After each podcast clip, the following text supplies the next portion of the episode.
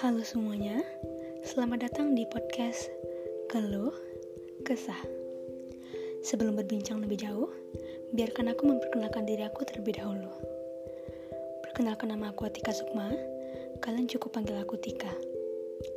Oh iya, tujuan podcast ini aku buat karena aku ingin membagikan topik-topik seputar keresahan-keresahan anak muda zaman sekarang, mulai dari percintaan, mimpi, persahabatan, bahkan kesehatan mental.